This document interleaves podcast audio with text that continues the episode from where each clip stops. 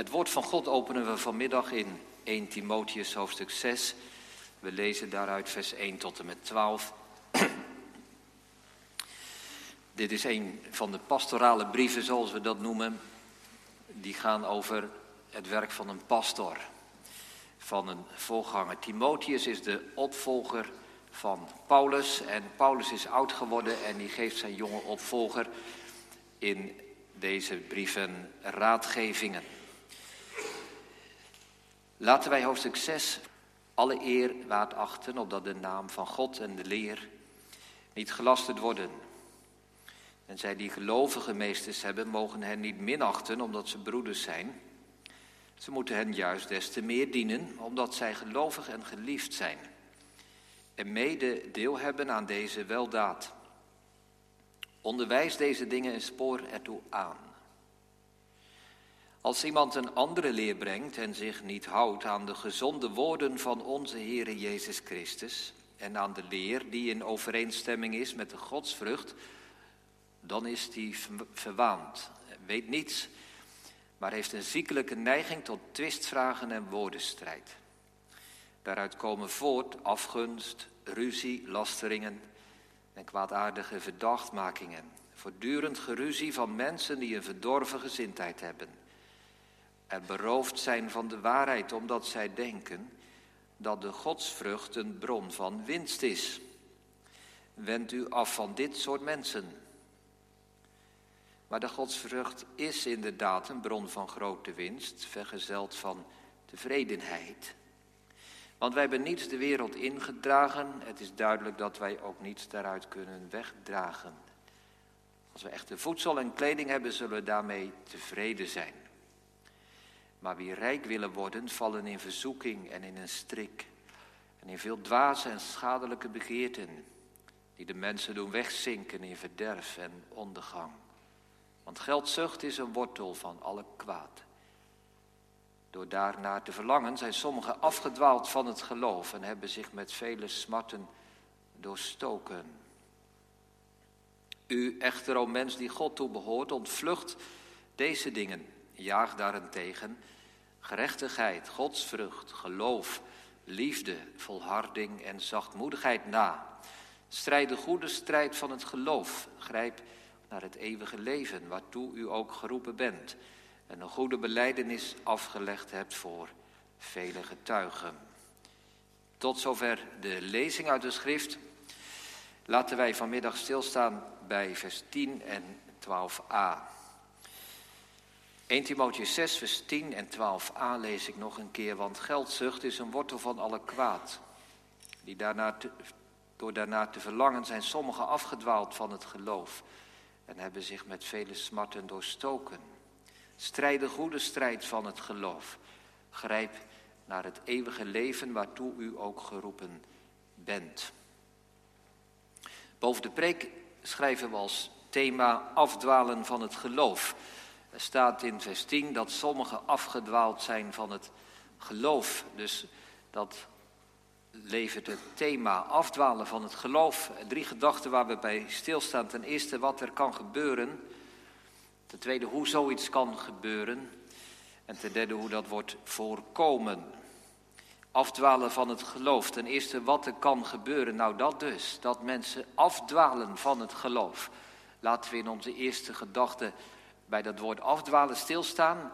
En uitzoeken wat dat betekent. Wat er gebeurt als iemand afdwaalt van het geloof.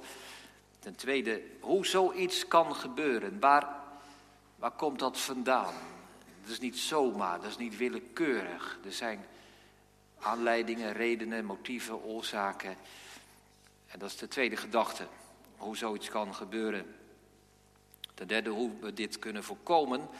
Vanuit vers 12, strijden goede, strijd van het geloof, grijp naar het eeuwige leven. Dus hoe kunnen we onszelf wapenen tegen dat afdwalen van het geloof? Gemeente, vanmorgen hebben we vanuit Openbaring 3 stilgestaan bij, laat ik zeggen, de vraag komen tot het geloof. Vanmiddag gaat het om een thema dat daar, daarop volgt. Wat nu als je gelovig bent? Hoe gaat het dan verder? Ik denk en ik vertrouw erop dat er hier in de gemeente veel mensen zijn die hun geloof beleiden en die vanmorgen geluisterd hebben en die die, deur open hebben gedaan voor het eerst of, of misschien al langer geleden. Maar wat nu als je gelovige bent? Als dat moment in je leven geweest is en de tijd gaat voort. Wat ik vaak hoor vanuit de gemeente, wat ik ook wel herken vanuit mijn eigen leven, is ja, dat, dat het niet zo blijft als in het begin en dat het wat, wat gewoner wordt, zeg maar, om gelovig te zijn en naar de kerk te gaan. En, en wat dan? Wat dan? Gaat het dan vanzelf goed? Hoe, hoe houden we dat geloof gaande? In dit gedeelte van 1 Timotheus 6 staat een uitdrukking die nogal indringend is. Sommige mensen, zegt hoofdstuk 6, vers 10, zijn afgedwaald van het geloof. Nou, daar gaan we vanmiddag naar luisteren. Daar stellen we de vraag bij, herken ik mijzelf daarin? Ja of nee? Nou, wat is dat? Afdwalen. Laten we beginnen met dat woordje. Hoe moet je dat voorstellen? Afdwalen van het geloof. Uh, het woordje afdwalen betekent eenvoudig verdwalen. Zo kun je het ook lezen. Dus hè, kinderen, jullie hebben misschien wel eens een keer een, wandeling gemaakt in het bos. Of uh, op vakantie in de bergen. Nou, leuk, mooie stad. Je bent misschien met een groepje en je wandelt samen daar. Het is gezellig en fijn. Je kijkt om je heen. Je ziet van alles. Je praat met elkaar. Je geniet. En op een gegeven moment sta je stil en dan zeg je: Waar zijn we eigenlijk? Waar zijn we? Zitten we nog wel goed? Je kijkt elkaar aan en je zegt: We zijn verdwaald. We zijn afgedwaald. We zijn de weg kwijt. Nou, zijn een eenvoudig voorbeeld kan ons laten zien wat er kan gebeuren. Afdwalen en verdwalen, dat, dat overkomt ons. Dat gebeurt en dat voltrekt zich onbewust. Dus niemand die op een vakantiedag s'morgens zegt: Nou, wat zullen we vandaag gaan doen? Zullen we vanmiddag eens samen lekker gaan verdwalen? Nee, dat doet niemand. Je kiest daar niet voor. Het gebeurt onbewust. En er komt een moment, of misschien zelfs niet, maar laten we zeggen, er komt een moment dat je het vaststelt en terugkijkt en zegt, verdwaald. Kinderen, dit komt niet alleen bij mensen voor, dit gebeurt ook bij dieren. Ook dieren kunnen verdwalen. Er zijn sommige mensen die erg van van vogels houden. Vogelaars noemen we dat. Dus je hebt misschien wel een, een boekje bij zich of maken notities over allerlei bijzondere vogels die ze zien. En die vogelaars die, die vinden vooral dit najaar, de herfst, een mooie en eh, prachtige tijd. Want dan komen er veel onbekende, vreemde vogels voorbij. Trekvogels, trekvogels. Wat zijn het voor vogels? Nou, dat zijn vogels die komen uit het noorden, uit koude gebieden. En die vinden het nu met de winter voor de deur te koud worden. En die trekken daar weg en die komen over ons land. Weet je wel, in zo'n zo'n V-vorm zie je dan. Zie je die vogels daar vliegen op weg naar warmere gebieden. Trekvogels, prachtig gezicht, mooi om dat te zien. Maar kinderen, soms zien die vogelaars nog een andere vogel. Geen trekvogel, maar een dwaalgast. En een dwaalgast, nou dat vinden zij helemaal bijzonder. Dat is een vogel die komt misschien wel uit Rusland of uit Afrika of uit Amerika. En die vogel, ja, het woord zegt het, die vogel is verdwaald. Die hoort hier helemaal niet te komen. Die is de weg kwijt. En zo'n vogelaar vindt dat misschien wel fijn om zo'n dwaalgast te zien, maar voor die vogel zelf is dat natuurlijk, ja, dat kan wel, kan wel de dood van de vogel betekenen. Verdwaald. Een dwaalgast. Nou, dat woord, afdwalen, Verdwalen gebruikt Paulus voor mensen en hij betrekt dat op het geloof. Sommigen zijn afgedwaald van het geloof. Er zijn mensen die dus gaandeweg hun geloof zijn kwijtgeraakt. Kwijtgeraakt.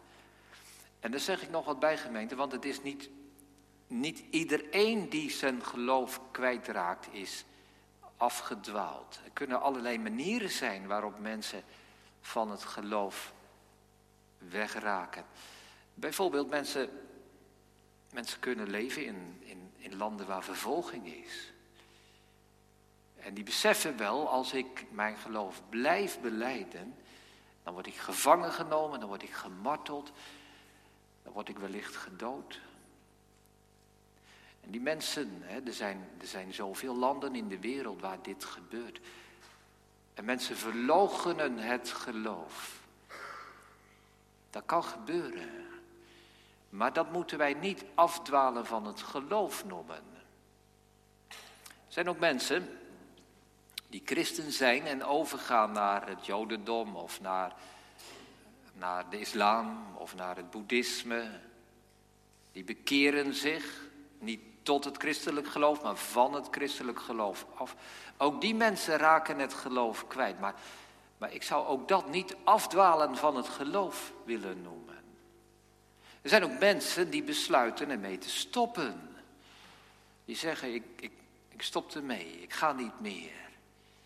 Zijn mensen die in overtuiging atheïst worden en zeggen, ik denk dat God helemaal niet bestaat.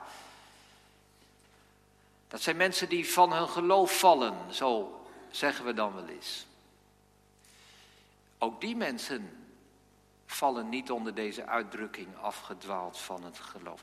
Mensen die van het geloof afdwalen, je kan het zo zeggen, die vallen niet van een geloof, die glijden van een geloof. Het gebeurt zo langzaam, zo onbewust. Dus nou, laten we kijken. Misschien kan ik zo iemand beschrijven. Dat is iemand die meegaat in het geloof, die meedoet in de gemeente. Die op weg is, hè, net als met die bergwandeling of die boswandeling. Fijne gesprekken, goede contacten, het is mooi. Je kijkt om je heen. En, en er komt een moment dat je zegt, maar waar is mijn geloof? Ik ben verdwaald. Misschien ken je dat wel, kent u dat wel van mensen om je heen. misschien uit je klas op school of van de categorisatie. Misschien de klas van vroeger of andere gemeenteleden. Waar zijn ze? Wat is er gebeurd? Misschien herken je dat bij jezelf. Je kijkt naar vroeger en je weet de momenten nog dat het vuur brandde. Je bent nu verder en je vraagt jou, waar, waar ben ik eigenlijk? Waar sta ik? Ben ik verdwaald? Afgedwaald van het geloof. En gemeente, laat ik erbij zeggen dat het voor ons, hè, dat voor ons, we moeten voorzichtig zijn om tegen andere mensen te zeggen, die is afgedwaald en die is afgedwaald van het geloof. Maar ik zou ook niet bijvoorbeeld willen zeggen dat we dat nooit mogen zeggen. Paulus doet het wel. Sommige mensen, en hij heeft concrete personen in zijn gedachten. Sommige mensen zijn afgedwaald van het geloof. Nou zegt iemand, ja dominee, waarom komt u naar, waarom komt u naar Apeldoorn om, om een preek te houden over afdwalen van het geloof? Denkt u dat, dat er hier veel van die mensen zitten of zo? Nou, gemeente, dat, ik kan het wel toelichten waarom het toch goed is om zo'n preek te houden.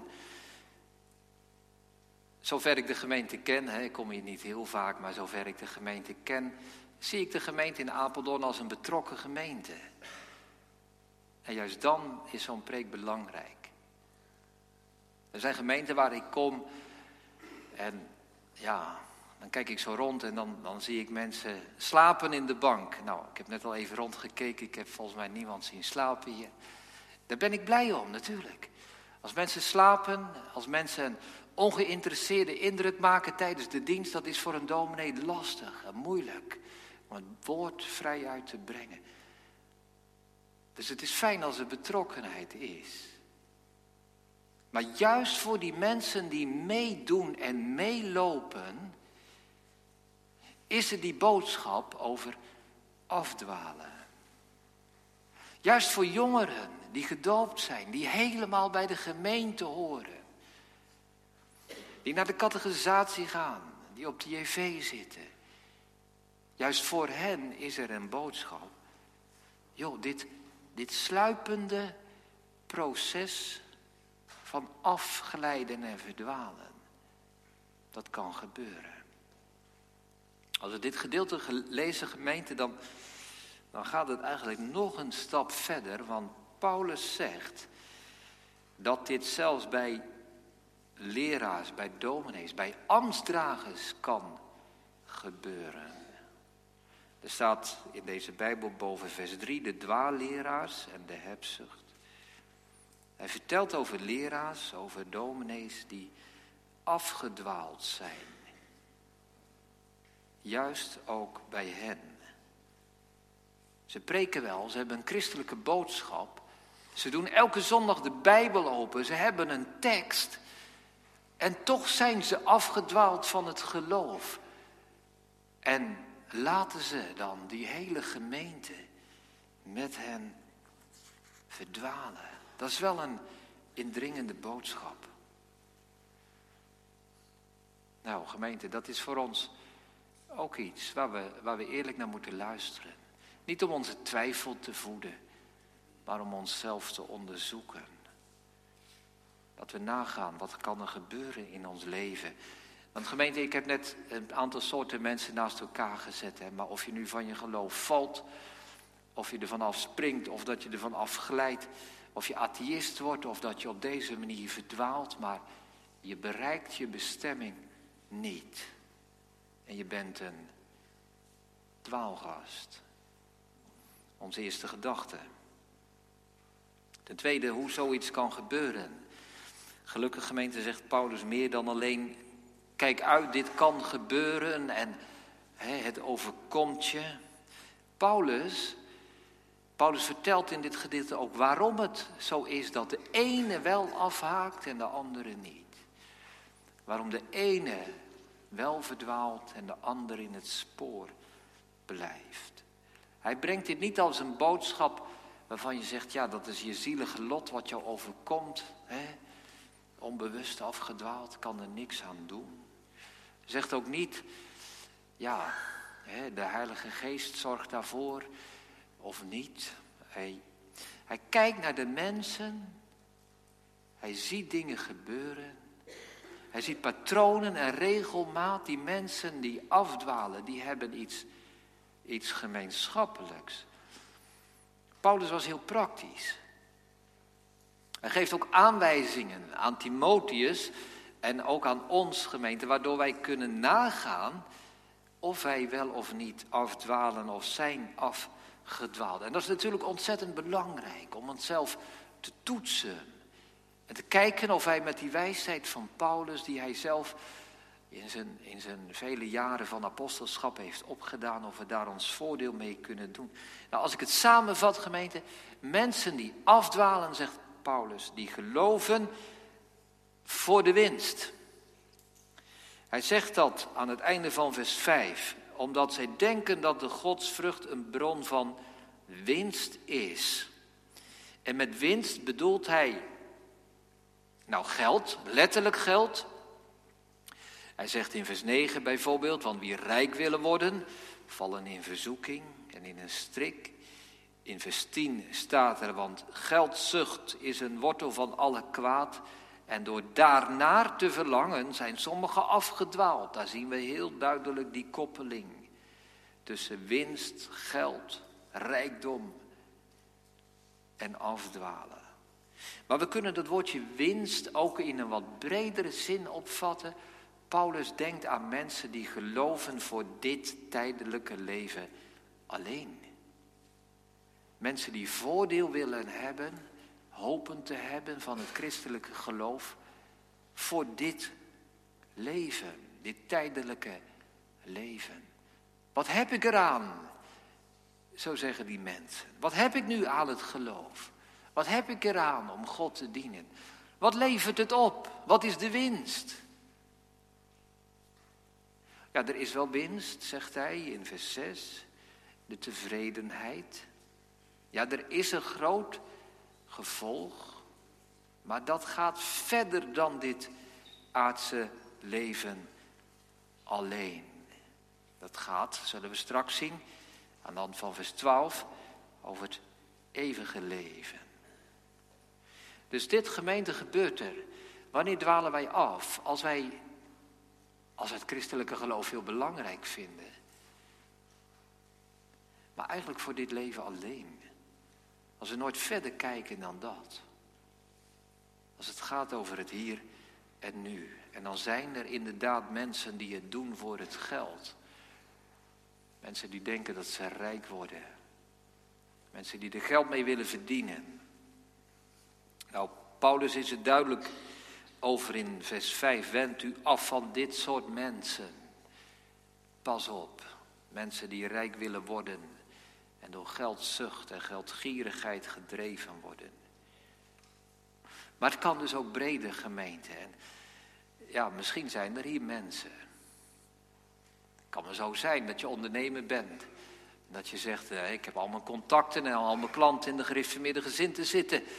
Ik uh, stop er natuurlijk niet mee, want dan kan ik mijn winkel wel sluiten. Nou ja, dan is de lijn naar dit gedeelte niet zo moeilijk. Maar het kan ook op een andere manier. Als onze godsdienst eigenlijk niet verder gaat dan de grens van dit leven. We gaan naar de kerk omdat we daar onze vrienden hebben en onze bekenden hebben. Of ja, we houden van die regelmaat. Heerlijk zo'n rustdag. Ja, het is heerlijke rustdag te hebben. Maar het is allemaal dit leven. Je leest in de Bijbel omdat er zoveel wijze dingen uit te halen zijn. Omdat je je beter voelt. Omdat het van die troostende woorden zijn. Je bidt tot God. Of die helpen wil als je voor moeilijke beslissingen staat. Als het leven tegenzit. Heere, helpt u mij. Met mijn examens. Heere, ik wil graag verkering. Heere, help me als mijn huwelijk lastig gaat. Ja, maar mag je daar dan niet om bidden? Ja, natuurlijk mag dat wel. Als dat het enige is. Er zijn ook veel mensen die uiteindelijk met hun geloof bezig zijn en alleen maar kijken naar, naar zichzelf. Hoe voel ik mij erbij? Wat ervaar ik erbij? Welke bevinding heb ik erbij?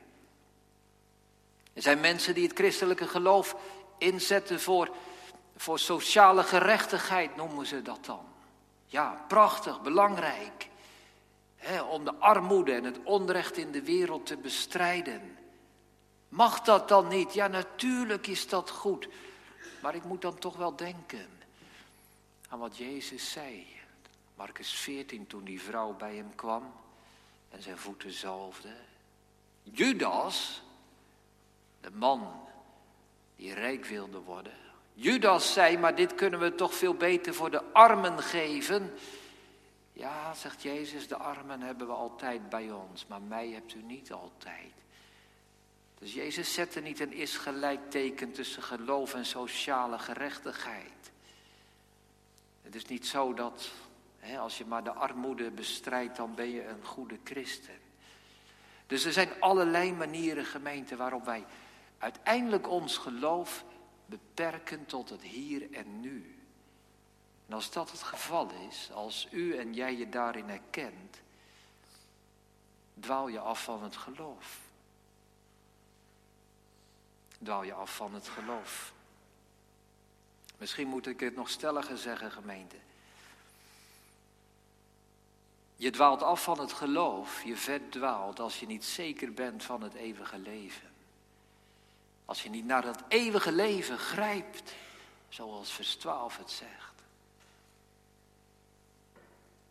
Als dat niet het grote doel en de richting van ons leven is, dan verdwalen wij.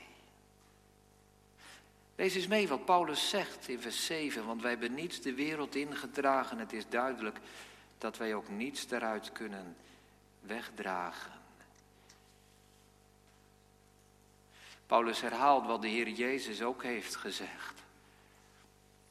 Verzamel uw schatten, niet op de aarde waar de dieven doorgraven en de motten het verderven, maar in de hemel. Hij herhaalt wat Job heeft gezegd. Naakt komen wij in de wereld, naakt zullen wij daaruit gaan. We hebben niets in de wereld gedragen. Het is duidelijk dat we er ook niets zullen uitdragen. Dat is, als het erop aankomt, gemeente, voor alles wat we, ja, wat ons blij maakt. Dat geldt, we laten het achter. Ik moest er pas wel gaan denken, zelf ook. Ik had een, ik had een boek gekocht ja, de hobby van dominees, boeken verzamelen. Ik had een boek gekocht uit het jaar 1613. Het oudste boek dat ik heb, meer dan 400 jaar. Dus ik had het boek in handen, prachtig boek, prachtig. En ik dacht, ja, de hoeveelste eigenaar ben ik? Boeken worden veel ouder dan mensen. Ik zet dat in mijn kast, maar in hoeveel kasten van mensen heeft dit boek al gestaan? En niemand heeft het mee kunnen nemen. Ieder moest het achterlaten. Dat geldt voor ons allemaal. Wat wij hebben, gaat eens na. Gaat eens na. Wat ik heb, laat ik allemaal achter. Alles. Waar ben ik nu voor bezig? Waar ben ik druk mee? Wat wil ik bereiken? Waar streef ik naar? Waar geef ik mijn tijd, mijn energie, mijn aandacht naar? Waar zet ik dingen voor aan de kant? Waar geef ik offers voor? Ja, maar straks, straks. Dan sterf je en dan, je neemt de kleren nog niet mee waarin je sterft. Niets, niets gaat er mee. Dus gemeente, als ons geloof gericht is op dit aardse leven alleen en als, als onze kerkgang en ons bidden en al onze geestelijke bezigheden hierover gaan, we nemen het niet mee. We nemen het niet mee. Niets kunnen wij meedragen. Ja, dit hoort ook bij het evangelie. Om dit te zeggen. Dat is altijd.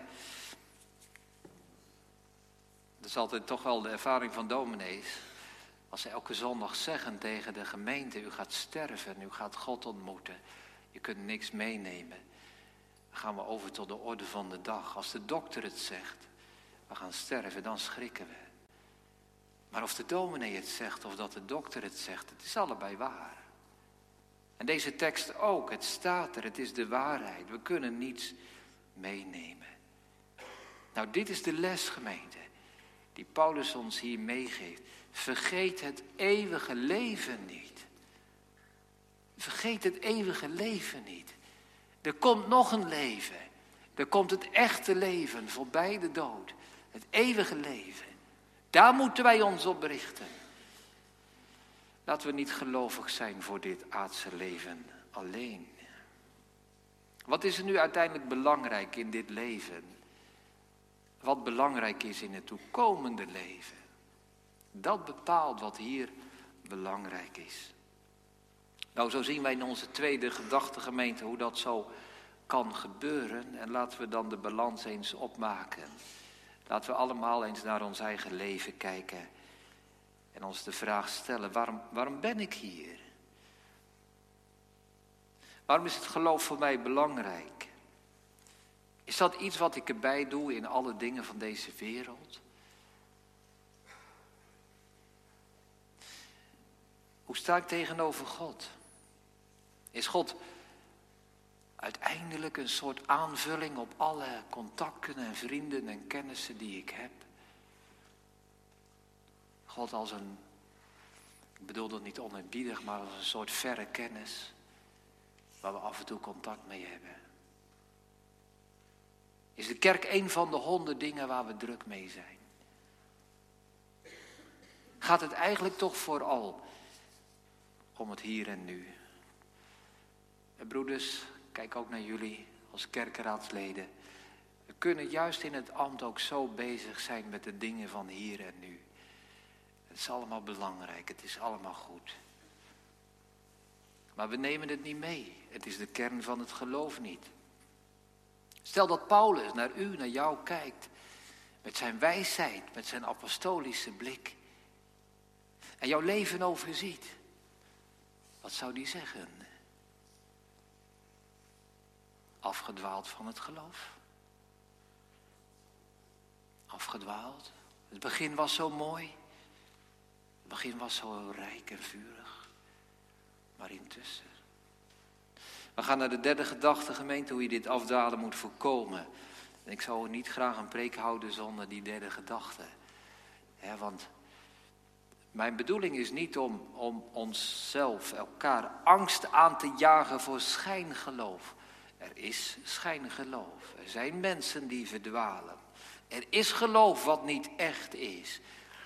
Maar toch, gemeente, is de bedoeling van, van Paulus niet om ons bang te maken. Hij gaat nog verder in vers 11 en 12. En dan zegt hij, u echter, o mens die God toebehoort, ontvlucht deze dingen. net als aan het einde van vers 5, wend u af, hou je er ver vandaan. En dan zegt hij in vers 12, strijd de goede strijd van het geloof, grijp naar het eeuwige leven, waartoe u ook geroepen bent. Dus hoe voorkom ik dat afdwalen? Ja, gemeente, het antwoord is eenvoudig. Het antwoord is eenvoudig. Hoe voorkom ik dat afdwalen? Grijp naar het eeuwige leven. Laat het eeuwige leven de richting en het grote doel van, van mijn godsdienstige leven zijn. Strijd de goede strijd van het geloof. Paulus gebruikt er indringende woorden. Hè? Grijpen, strijden. En hij zegt erbij, waartoe u ook geroepen bent. Dus de roeping die uitgaat in de prediking vanmorgen en nu vanmiddag weer. De roeping is, grijp naar dat eeuwige leven. Richt je daarop. Deze roep gaat tot ons uit, gemeente. Dus dat laat ons zien hè, dat het eeuwige leven niet een soort extra cadeau is naar een mooi, fijn christelijk leven. En dan straks als je sterft, dan krijg je ook nog de hemel. Nee, het is het eerste, het is het grootste, het is het belangrijkste waar we ons op moeten richten. Het is het eerste waar we zeker van moeten zijn. Eeuwig leven. Ja, zegt iemand, maar nee, nu legt u de lat wel heel hoog. niet iedereen heeft die zekerheid dat je eeuwig leven hebt. Ja, ik lees de Bijbel maar. Grijp naar het eeuwige leven. Kun je nog verder leven zonder die zekerheid dat het straks goed is? Kun je richting en sturing in je leven hebben als je niet weet dat je op weg bent naar het eeuwige leven? Kun je dit leven doorkomen? Met zijn teleurstellingen en zijn tegenvallers. Met zijn onverwachte gebeurtenissen die overal een streep doorzetten. Als je niet de tevredenheid hebt van het eeuwige leven. Vers 6 zegt, maar de godsvrucht is inderdaad een bron van grote winst, vergezeld van tevredenheid. Ik zou dat woordje vergezeld eigenlijk eruit willen laten. En het staat ook schuin gedrukt. De godsdienst is inderdaad een bron van grote winst, van tevredenheid. Ja, dat is de winst die wij krijgen in dit aardse leven. Tevreden zijn. Wat er gebeurt. Wat mij overkomt. Ik ben niet gefrustreerd. Ik ben niet kwaad. Ik ben niet boos dat God dit allemaal geeft. Ik ben tevreden, want Hij belooft mij niet een goed aards leven, een tijdelijk leven. Hij belooft mij het eeuwige leven. En dan kan ik tevreden zijn. Als wij verzacht, als wij voedsel en kleding hebben, zullen wij daarmee tevreden zijn. Tevredenheid is een van de mooiste dingen die je op aarde mee kan maken. Een tevreden hart, een tevreden mens. Niet meer die, die gejaagdheid, die ontevredenheid, dat verlangen naar alles wat we niet kunnen bereiken. Maar tevreden zijn, want ik weet dat het eeuwige leven komen gaat.